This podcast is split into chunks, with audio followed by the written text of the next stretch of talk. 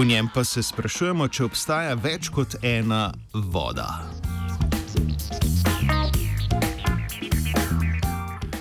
Voda.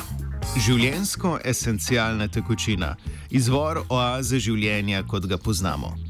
Pravčujemo jo že vrsto let, pa vendar se vsako leto o njej naučimo nekaj novega.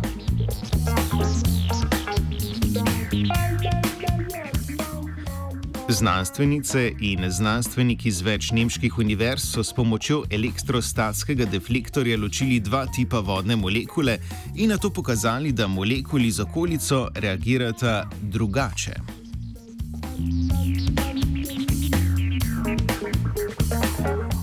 Namreč raziskave so pokazale, da molekule vode obstajajo v dveh različnih oblikah: para P in orto O. Molekuli se razlikujeta v tako imenovanem spinu, to je lastni vrtilni količini delcev, pri čemer ima para voda vrednost nič in orto voda vrednost ena.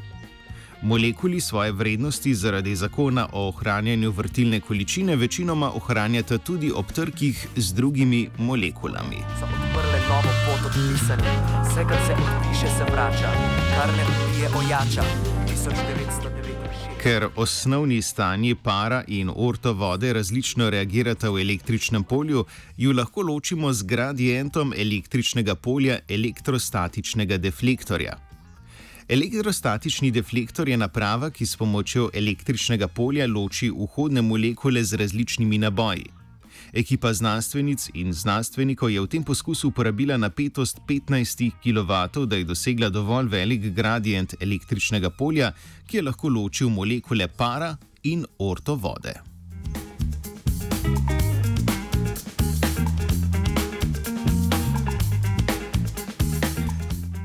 Dane molekule so na to streljali v super ohlajene kristale kalcijevih ionov, katerih sredica je bila zapolnjena s tako imenovanim diazelinijumom, molekulo N2H.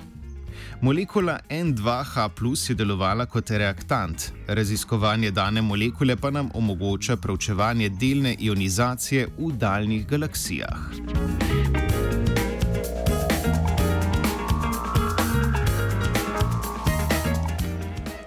Rezultati so pokazali, da so molekule para vode reagirale z molekul, molekulami diazelinijuma 23 odstotkov večkrat kot molekule orto vode, kar so potrdile tudi računalniške simulacije. Dano višjo reaktivnost lahko pripisujemo različnim oblikam vrtinčenja in obračanja danih molekul vode.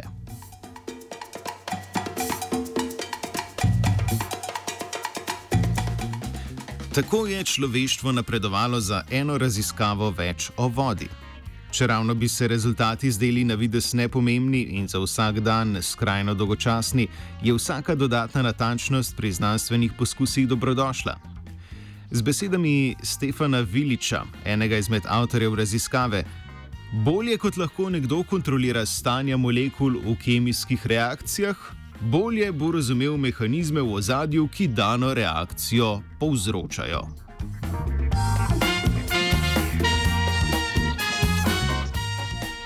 Z vami je skozi prostrane polidihidromonoksidne prerije, Jaris je to napisal, polidihidromonoksidne prerije, prekarnega pekla plaval, poročevalec Nejc.